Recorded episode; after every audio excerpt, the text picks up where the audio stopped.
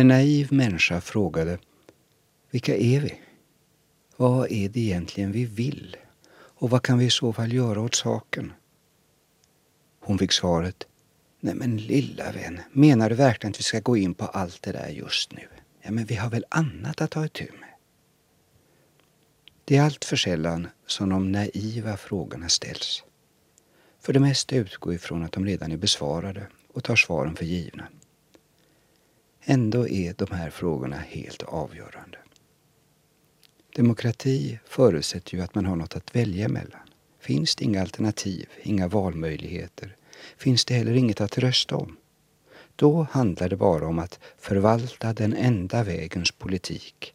Den som experter och förmyndare gärna vill få oss att anamma så att de kan fortsätta med sitt i lugn och ro. Men den enda vägen visar sig nästan alltid vara en synvilla. Om man verkligen tar ett par demokratiska grundprinciper på allvar, nämligen att var och en i allmänhet bäst själv bedömer vad som ligger i hans eller hennes intresse och att allas intressen förtjänar lika hänsyn. Vi är några sommarstugeägare på Södertörn som delar samma privata utfart till Stora landsvägen. För några år sedan blev det aktuellt med en vägbom.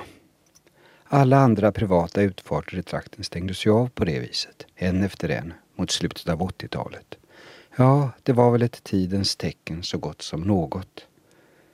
Men för vår del blev resultatet att alla inbrottstjuvarna istället sökte sig till oss.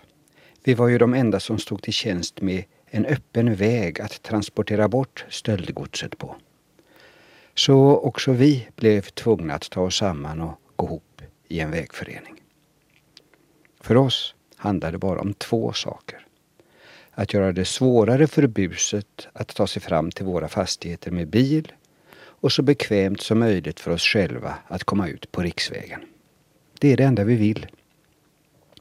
Därför är också vår dagordning väldigt begränsad. Vi måste hålla uppsikt över nycklarna till bomlåset och se till att vägen hålls i körbart skick. Och det här har vi hittills klarat av utan att behöva vara särskilt formella. Men nu är det så att jag själv åker kommunalt in till stan. Jag är faktiskt den enda som inte har bil.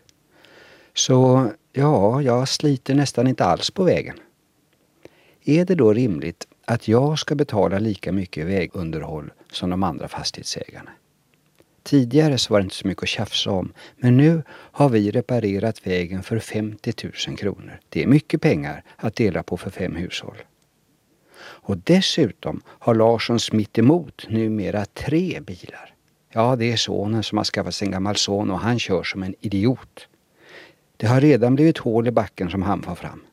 Så vi får väl se vad som händer på vägföreningens möte om en månad, för då tänker jag väcka frågan. Den ska banne mig upp på dagordningen. Det är min demokratiska rättighet. Ja, läget är väl inte helt friktionsfritt i vår lilla vägförening. Men vi har åtminstone makt över de frågor vi vill ha makt över. Vi har kontroll över dagordningen. Och det är mer än man kan säga om de större politiska sammanslutningarna jag ingår i, kommunen och nationen. I början av 90-talet hamnade Sverige i en djup ekonomisk kris och inte var vi kreditvärdiga i omvärldens ögon heller. Så regeringen beslöt med riksdagens stöd att hela den offentliga sektorn skulle saneras. Kommunerna hotades med konkurs om de inte minskade sin skuldsättning. Det var ju omöjligt för dem att höja kommunalskatten. Resultatet det blev drastiska nedskärningar i barn och äldreomsorg, sjukvård och socialtjänst. För att inte tala om skolan. Också den hade genom sällsynt dålig timing alldeles innan gjorts till en kommunal angelägenhet. Det blev alltså kommunernas viktigaste uppgift under många år att genomföra ett nationellt beslutat besparingsprogram. För kommunpolitikerna handlade det uteslutande om att få ihop debet och kredit och säga nej till allt annat.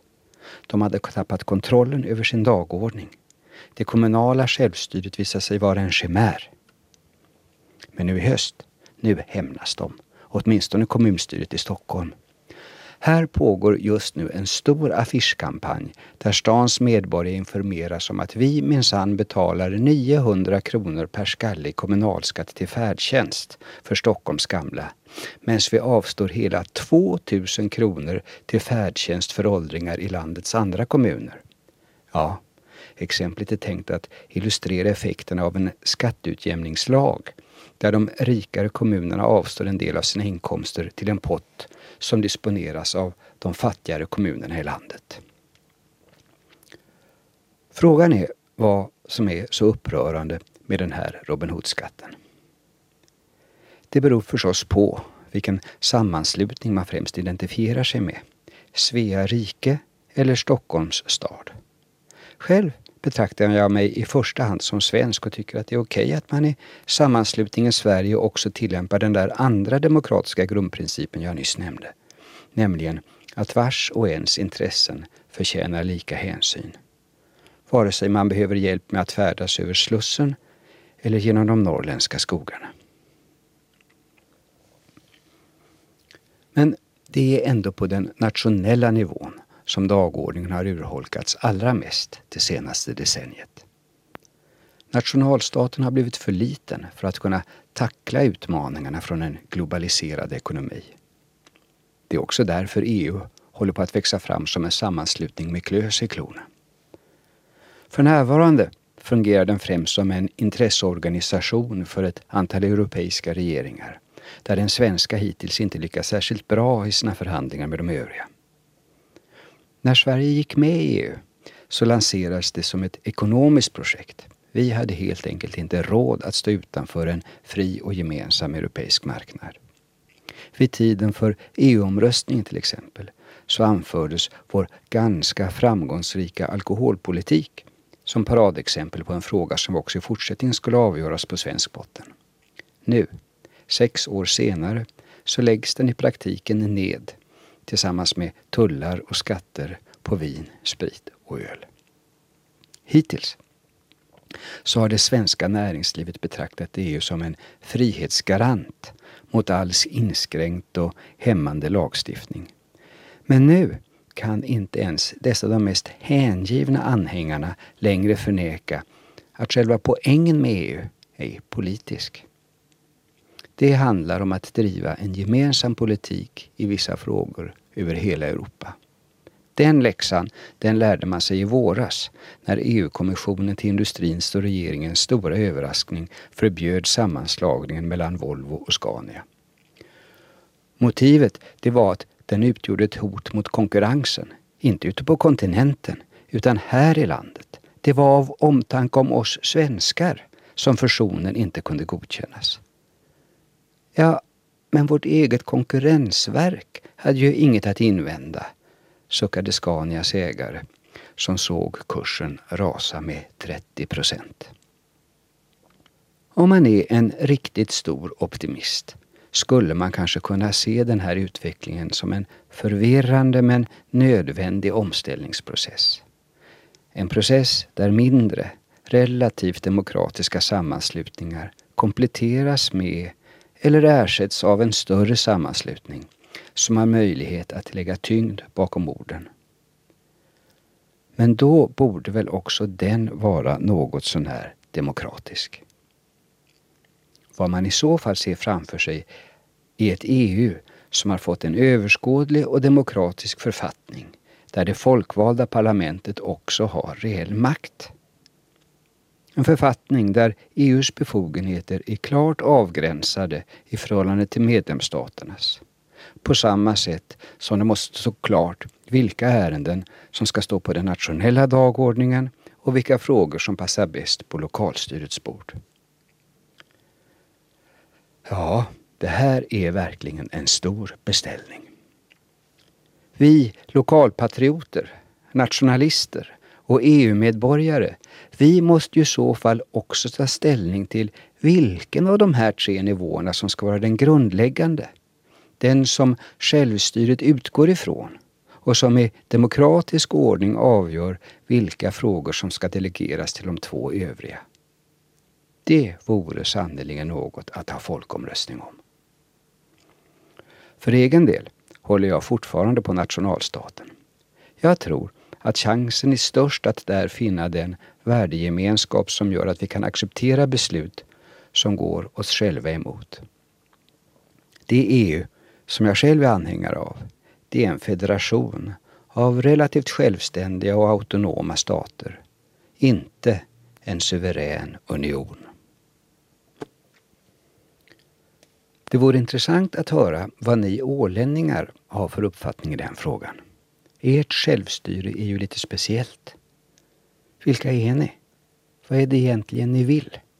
Och vad kan ni i så fall göra åt den saken? Göran Hemberg, översättare, berättare och folkbildare med demokratifrågor som specialitet, filosoferade över betydelsen av att kunna bestämma dagordningen för att kontrollera utvecklingen.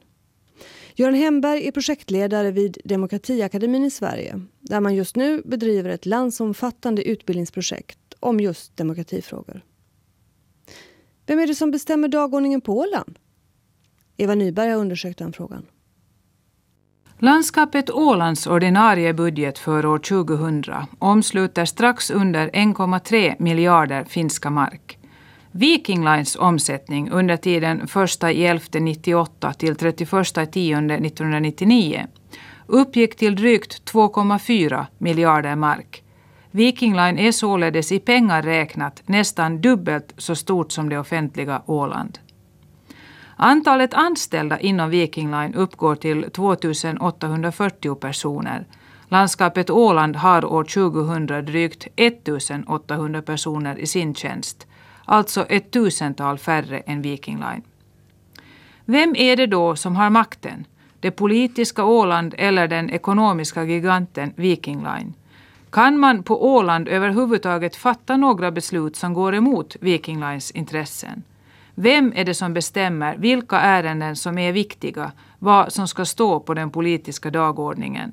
Att Viking Line skulle vara en maktfaktor i det åländska samhället, det håller inte dess VD Nils-Erik Eklund egentligen med om. Det är ett litet företag i ett litet landskap där vi konstaterar att eh, vi arbetar utgående från de ramar som ett litet samhälle ger oss. Jag tror att eh, om vi skulle ha vårt högkvarter i en huvudstad i Stockholm eller Helsingfors till exempel så skulle vi ha en helt annan syn på förhållandet till makten. Och det vet vi att eh, våra kollegor i Stockholm och Helsingfors så har ju ett mycket intim, en mycket intim kontakt med regering, riksdag, ministerier och så vidare sådana saker som vi inte har som då lever och verkar här ute på Åland. Men hur är er kontakt till de åländska makthavarna? Hur mycket följer du med åländsk politik, lagtingsdebatter? Men betyder valresultat någonting för dig som företagsledare? Naturligtvis. Eh, jag följer mycket noggrant med lagtingsdebatter. Jag följer med vad som händer i stadsfullmäktige, i stadsstyrelse, i hamnnämnd. Eh, därför att eh, det är ju så att eh, den påverkan som kan ske, eller det maktutövande som sker, så det är ju de facto enkelriktat. Det är ju de politiska institutionerna, det är lagting, landskapsstyrelse, stadsfullmäktige, stadsstyrelse och hamnnämnd som styr vår verksamhet till 100 procent. Vi kan, som jag ser det, inte påverka eh, dem från vår sida. Och jag tycker att eh, det kan vara bra att eh, nämna sådana exempel som till exempel att både stadsstyrelsen sedan sju år tillbaka och landskapsstyrelsen sedan ett par år tillbaka har beslutat om avgifter i Mariehamn och i Långnäs som då är till nackdel för de åländska rederierna Birka och Viking Line. Och det tycker jag är ett exempel på det att det är den politiska makten som råder över den ekonomiska makten på Åland. Men menar du då att, att ni från Viking Lines sida inte skulle ha någon möjlighet att föra fram er syn och, och påverka vilka politiska beslut som tas? Att bedrivs det ingen lobbyingverksamhet överhuvudtaget gentemot de politiska makthavarna från, från er sida? Jag skulle säga om man jämför med eh, den verksamhet som pågår i Stockholm Helsingfors så är den i princip icke-existerande på Åland. Vad beror det på då? Eh, jag tror att det beror på det att eh, man då som politiker på Åland anser att man har så god kunskap om de här frågorna så att man inte är beroende av den information som ett företag kan ge. Och när det gäller de här frågorna så ska man ändå komma ihåg att redan 93-94 så stämde de facto Birka Line Mariehamns stad på grund av den orättvisa fördelningen av eh, hamnavgifterna. Så man lyckades inte komma så att säga vidare vare sig i diskussioner eller i information utan att man måste gå så långt som till att föra det till en juridisk prövning. Och det visar ju det att eh, som företag så är man utlämnade åt de beslut som fattas i politiska sammanhang. Det är politikerna som har makten, säger alltså Nils-Erik Eklund, VD för Viking Line. Vad säger då politikerna? Hur ser de på sin makt i relation till den ekonomiska giganten Viking Line? Olof Erland, lagtingsledamot och Liberalernas ordförande. Ja, det är klart att Viking har betydelse på det sättet att det är ju en stor verksamhet som ger, ger de här kringeffekterna, sysselsättning och transporter naturligtvis. Men, men den politiska dagordningen är ju ganska mycket fråga om eh, andra saker. Alltså om man nu säger rent teoretiskt så har vi ju en marknadsekonomi där Vikinglinjen verkar på de villkor som finns enligt eh, det som styr finansmarknaden, konkurrensregler och, och liknande medan då politikerna sysslar med lagstiftning som har med människors eh, vardagsverksamhet att göra. Vikinglinjen är ett företag som vilket som helst, det är bara det att det är ett väldigt stort företag med, med stor betydelse för Åland. Man kan väl inte säga att, att Vikinglinjen utövar makt på liksom det som man kallar det civila samhället eller landskapsstyrelsen direkt, på ett direkt sätt. Men naturligtvis så kan det finnas kopplingar och att det kan finnas en, en, en grupp av personer, eh, banker, rederier och så vidare som kanske har ett indirekt inflytande. Sa Olof Erland. Roger Jansson är i landskapsstyrelsen ansvarig för näringslivsfrågor. Hur mycket makt har då han och hans kollegor gentemot kapitalet, den ekonomiska makten? Jag har väl inte egentligen någon, någon större makt eh, utan det är väl landskapsstyrelsen som, som helhet då, som har en, en makt genom att man kan styra villkoren för företagande och, och ange också målsättningen för företagande på, på Åland från en ganska stark position som ju landskapsstyrelsen har på Åland. Och i det nätverk som finns då med kommunerna, med landskapet, med företagarklubbar, med företag och andra föreningar så så är vi ju en aktiv aktör och kan påverka företagandets villkor och befrämja olika former av företagande. Också regionalpolitiskt kan vi påverka ganska mycket. Också när de budgetmedel vi har så är betydande i sammanhanget när det gäller att göra någonting eller inte göra någonting för företagsutvecklingen i landskapet. Så att visst finns det en hel del makt samlat inom landskapsstyrelsen sa Roger Jansson, som också konstaterar att Viking Lines inflytande över åländskt samhällsliv idag är mycket mer begränsat än vad till exempel Sallyrederiets var i början av 70-talet, då han i egenskap av stadspolitiker själv upplevde tyngden av Algot Johanssons imperium inom statspolitiken. Skattemässigt var Sallyrederiet oerhört betydelsefullt, men också i frågor som gällde stadsplanering och bostadsbyggande dominerade det starkt. Sallyrederiet stod för närmare hälften av all nyproduktion av bostäder i stan. Idag är läget ett annat. Viking Line har visserligen många anställda men långt ifrån alla bor på Åland. Det har också tillkommit andra stora företag på Åland så de blir aldrig lika dominerande som Sally i tiden var, säger alltså Roger Jansson. Jag vill nu med bestämdhet framhålla att eh, i alla de frågor som ligger på landskapsstyrelsens bord så är vi ytterst lite eller nästan inte alls påverkad av den ekonomiska företagarmakten. Vår uppgift är väl närmast att främja alla företags verksamhet så att den kan bli så lönsam som möjligt. Och här ser vi nu ett hot mot, mot sjöfarten och, och, och färjetrafiken och det finns en risk för att eh, delar av verksamheten flyttar från Åland att det blir färre ålänningar sysselsatta inom sektorn. Då måste landskapsstyrelsen agera på olika sätt för att eh, försöka förhindra det eller minska riskerna för det. Men kan du tänka dig några situationer där, där så att säga landskapsstyrelsen och Viking Linjes intressen skulle gå på tvärs? Jo, det finns många sådana situationer som vi redan har,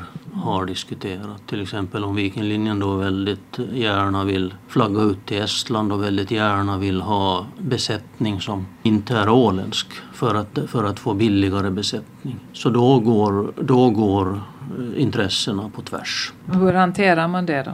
när det är fråga om så stora aktörer som Viking Line? Och det viktiga då är att uh, diskutera sig ihop att vi får minsta möjliga negativa effekter för Ålands del. Upplever du att det, är, att det är ni politiker som har initiativet eller är det de ekonomiska aktörerna? När det gäller att kunna bedriva sjöfart under finsk flagg så är det landskapsstyrelsen som har initiativet men regeringen sitter på makten. Regeringen i Helsingfors sitter på makten. När det gäller eh, Vikinglinjens och enskilda företags överlevnad så är det de som har makten, självklart. Deras aktieägare och deras ledning. Utflaggningshotet, är det ett svar på bristande lyhördhet för redarnas intressen från de politiska beslutsfattarnas sida? Nils-Erik Eklund. Vi uppfattar på samma sätt som du att eh, flagga ut fartygen det är ett hot. Det är ett hot också mot rederiet. Därför att eh, vi har ju inom Vikland varit konsekventa och drivit största delen av våra stora fartyg under finsk flagg och registrerade med Mariehamn. Att eh, vi och många andra rederier står inför tvånget att eh, överföra den till ett annat EES-landsregister så beror på det att eh, våra kanaler till de som beslutar i landet, det vill säga till regering och riksdag, är ganska bristfälliga. Är förståelsen för er problematik i det sammanhanget större bland åländska beslutsfattare än vad det är bland beslutsfattarna i Helsingfors? Absolut, det måste man säga. Den åländska landskapsstyrelsen har ju skaffat sig ett stort kunnande om den här frågan. Sen är ju det problemet att eh, beslutskompetensen så finns ju inte på Åland utan den finns i Helsingfors. Det åländska skatteundantaget, om det hade sagts att det, det, det tillkom för att rädda taxfree-handeln och, och därigenom rederinäringen och den fortsatta trafiken på Åland. Samtidigt så har det ju inneburit en massa byråkratiskt krångel och fördyrande eh, aspekter för vanliga ålänningar. Det finns eh, två perspektiv som man ska lägga på det. Skatteundantag tillkom i samband med att Finland och Åland anslöt sig till EU. Därigenom blev det möjligt för alla europeiska rederier inom EU att operera fartyg mellan Sverige, Åland och Finland. Så skatteundantaget är riktat mot alla europeiska rederier. Vad är konsekvenserna? Eh, jag tror att för oss som eh, trafikerar eh, i det här området så hade det inneburit avsevärt högre kostnader ungefär 20 miljoner till per år för att kunna tillhandahålla eh, trafikintensiteten, servicenivån och prisnivån. Och vi har gjort det här utan att höja priserna. Så vi har tagit på oss kostnaden för det här. Men å andra sidan, när det gäller taxfree så är det inte bekant för oss att det skulle finnas något annat alternativt sätt att försörja Åland och Finland med ett transportsystem utav den standard som kunderna har varit vana med tidigare. Är det så att taxfree inte skulle finnas så skulle det lösa väldigt många problem. Det skulle finnas ett fartyg av Ålandsfärjans storlek som skulle gå mellan Åland och Sverige och förmodligen ett fartyg av eh, samma storlek mellan Åland och fastlandet. Och så sen skulle de stora långtradarfärjorna gå förbi Åland. Eh, om man ser till de ekonomiska förutsättningarna. Men vill du med det ha sagt att, att det här skatteundantaget inte endast gynnar rederiets intressen utan i högsta grad också samhället? Så att samhället har att vinna på det. Jag uppfattar att eh, rederierna har fått betala för det här skatteundantaget. Å andra sidan, hade inte skatteundantaget funnits så hade fartygen lämnat den här trafiken och gått till, till andra trafikområden istället, kanske till Estland, till Lettland. Den åländska ekonomin bygger på att vi har ett välfungerande transportnät österut och västerut som är, som är frekvent, alltså mycket turer per dag, eh, tillräckligt utrymme ombord och hyfsade priser. Och därför har det här skatteundantaget kommit till för att vi ska kunna fortsätta att ha en välfungerande trafik som är någorlunda prisbillig. De effekter som, som skatteundantaget fick, fick för andra företag tack vare att Finland då implementerade en väldigt stark skattegräns runt Åland så är ju någonting som vi ständigt måste jobba med och minska de negativa effekterna av. Men den skattegränsen den tillkom för att rädda färgverksamheten? Nej, skatteundantaget tillkom för att rädda färgverksamheten. Skattegränsen i den utformning den har idag är någonting som regeringen i Helsingfors har beslutat om att ska vara sådan den är. Den kunde vara mycket enklare och vi skulle ändå ha skatteundantaget kvar. Det är ju en av de stora politiska myterna att, eh, att det här med skattegränsen så var ju en negativ konsekvens av, av det avtal som, som gjordes. Och från rikssidan så stiftade man ju en lag 94 om att skattegränsen skulle inte tillämpas, den skulle vara osynlig. Men den har ju ingenting att göra med det här med att man har skattefri försäljning ombord utan det, det är ett hinder för åländsk, åländska företag. Både för att sälja från Åland och att importera. Tanken från början var väl inte att skapa ett hinder för åländska företag. Men du säger att det är en en myt. Var myten just den att man skulle rädda färg, fortsatt färgverksamhet ja, my, på Åland? Myten är den att skattegränsen var nödvändig för, för taxfree-försäljning. Men eh, vi talar ju om en så kallad osynlig skattegräns och det har ju också lagtinget sagt att den ska vara osynlig men med bibehållen taxfree-försäljning i, i trafiken. Vem är det då som har gjort den så synlig? Det var ju klagomål från åländsk sida att juristerna Bert Hägglund och Christer Jansson klaga till EU-kommissionen att ska det vara en skattegräns så ska den vara lika svår åt alla håll så att säga. Och då infördes den här osynliga skattegränsen gentemot riket, den blev då synlig. Så att Åland var ju det enda område i hela Europa som fick nya handelshinder medan alla andra då fick mindre handelshinder. Det här var en, en kan man kalla ett misstag som man naturligtvis ville sopa under mattan och dölja det. Därav den här mytbildningen, att den var nödvändig. Olika uppfattning om skattegränsens ursprung råder alltså. Ni hörde Roger Jansson, näringsansvarig i landskapsstyrelsen och därefter Olof Erland, Liberalernas ordförande och oppositionspolitiker i lagtinget. Men tillbaka till den ursprungliga frågeställningen. Finns det kurage nog bland åländska politiker att ta beslut som går emot de enorma ekonomiska intressen som Viking Line står för? Olof Erland. Ja, det är klart att, att eh, där har man ju skygglappar när det gäller miljöfrågorna och, och eh, eroderingen av stränderna och liknande saker. Till exempel är det väl känt att de här färjorna knappast håller fartgränserna till exempel Norra Fögle och så vidare. Och sen när det gäller alkoholpolitiken så säger vi ju i lagtinget med stor enighet att alkoholkonsumtionen ska minska. Samtidigt så bygger vi upp eh, näring kring det som genererar alkoholförsäljning och konsumtion naturligtvis. Så att det, det är ju ett dilemma att vi har alltså en, en verksamhet av stor ekonomisk betydelse som också har konsekvenser på miljö och sociala förhållanden. Både positiva och negativa. Men när du säger att, att man har skygglappar, vem har skygglappar? Ja, vi, vi politiker. Det är skygglappar som alla är medvetna om att finns där så att säga. Men det är så stora ekonomiska intressen som står på spel att man be, behåller de där skygglapparna medvetet. Ja, nu, nu har ju vår politik, eh, alltså den majoritetspolitik som har drivits har ju inriktats väldigt mycket på det här med undantaget för taxfree EU-politiken om man hade lämnat resten åt sidan. Och nu, nu kommer verkligheten emot oss med minskad betydelse för försäljningen och då får man ju räkna med att det politiska initiativet måste tas när det gäller de här negativa konsekvenserna. Med alkoholkulturen och de stora färjorna som då har miljökonsekvenser. Roger Jansson och sin sida vill tona ner färgtrafikens negativa effekter. Att det sen har negativa effekter i form av en viss miljöbelastning men å andra sidan så, så är det ju mindre miljöbelastning än om vi skulle ha en, en, en vägbro mellan Finland och Sverige som bilar skulle köra över, långtradare och bussar och så vidare istället för att de står nu med motorerna avstängda på färjorna och bara färjarnas maskiner är igång. Så nu är det ju mindre miljöförstöring med det här maritima transportsättet än om man skulle köra, köra över en bro mellan Finland och Sverige. Men så det diskuterar vi naturligtvis hela tiden och försöker då minska de miljöeffekterna också från samhällets sida och där har vi ju tagit miljölagstiftning i landskapet som, som kräver det och vi diskuterar i, i de hamnar vi äger också att vi, vi ställer miljökrav helt enkelt på bränslet och, och, och sådant. När det gäller den taxfria alkoholförsäljningen så har vi ju under årens lopp noga studerat effekterna på det åländska samhället och kunnat konstatera att vi har lyckligtvis inte någon värre situation än vad man har österut och västerut. Däremot har vi alldeles uppenbara problem med att våra ungdomars debutålder är ett eh, socialpolitiskt bekymmer på Åland som är stort. Har det någon koppling till, till den här färgtrafiken som du ser det?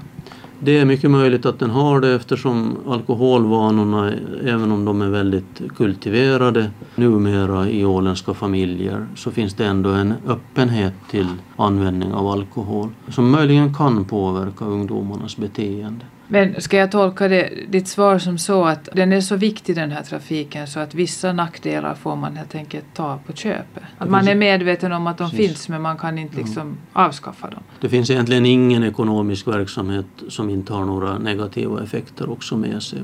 Och i förhållande till den nytta som färjetrafiken har för Åland så måste man ändå rimligen säga att de negativa effekterna sammantaget är förhållandevis små. Men vi ska ständigt vara på vår vakt emot dem och försöka motverka dem. Taxfree-försäljningen som, som stomme så att säga i den här trafiken, ser du att det finns någon konflikt mellan det å ena sidan och den alkoholpolitik som de politiska makthavarna säger sig vilja bedriva å den andra? Ordet går åter till Vikinglands VD Nils-Erik Eklund. Det kan säkert vara en konflikt eh, och den, den har flera dimensioner. När det gäller det som säljs på fartygen så är det ju en ranson som omspänner eh, en liter sprit eh, och några flaskor vin, vilket är en ganska obetydlig mängd om man jämför med att om några år så kan var och en ta med sig 200 liter när man kommer hem igen till Finland eller till Sverige. De kontrollerade former som jag uppfattar att vi bedriver vår verksamhet utgående ifrån så ska ändå inte skapa konflikten med den inriktning som då företräder nykterhet och så vidare. Det här är en mycket bra kompromiss att man å ena sidan på ett mycket kontrollerat sätt kan sälja taxfree-varor och samtidigt försäkra sig om att man har transportnät som både individen i samhället, eh, eh, serviceindustrin och den tillverkande industrin har nytta utav. En annan sån här fråga där, där man kan säga att det har funnits olika intressen från samhällets eller från de politiska beslutsfattarnas sida och från er sida så är ju de här miljödiskussionerna om hastighetsbegränsningar mm. och slitage på den, de vackra vyer som ni gärna mm. saluför i er reklam. Hur, hur ser du på, på, på, den intressekonflikten? Då? Jag har all förståelse för det. Jag ju vistats mycket på sjön Åland och skärgården. Det är ju vår, vår livsmiljö och det ligger i mitt intresse att vi också ska bevara den för våra efterkommande. Vi anser att fartygen ska vara i samklang med den miljö, de farleder man går fram och också att de ska passa in i de hamnar som vi frekventerar. Men om vi nu återanknyta till den här diskussionen om, om politiska beslutsfattare i, på, på, olika håll så har de politiska beslutsfattarna i Stockholms skärgård och de politiska beslutsfattarna i Åbolands skärgård de har lyckats införa hastighetsbegränsningar. Är det för att de är så mycket större och kraftfullare då än, än de åländska beslutsfattarna när vi här då säger att nej, här kan vi inte ha det för då, då blir tidtabellerna omöjliga för rederiernas sida. Det kan ju för en utomstående te sig som att de åländska beslutsfattarna böjer sig lättare för rederiernas intressen. Man kan väl också konstatera samtidigt att skärgårdarna ser inte likadana ut. När det gäller Åland så tror jag att eh, det är ett mycket lätt beslut att fatta. Är det så att man säger att vi ska införa hastighetsbegränsningar i Ålands skärgård, det vill säga att Ålands landskapsstyrelse eller, eller lagting säger så, så säger man samtidigt vi anser att vi vill inte ha den här trafiken som försörjer Åland med transporter.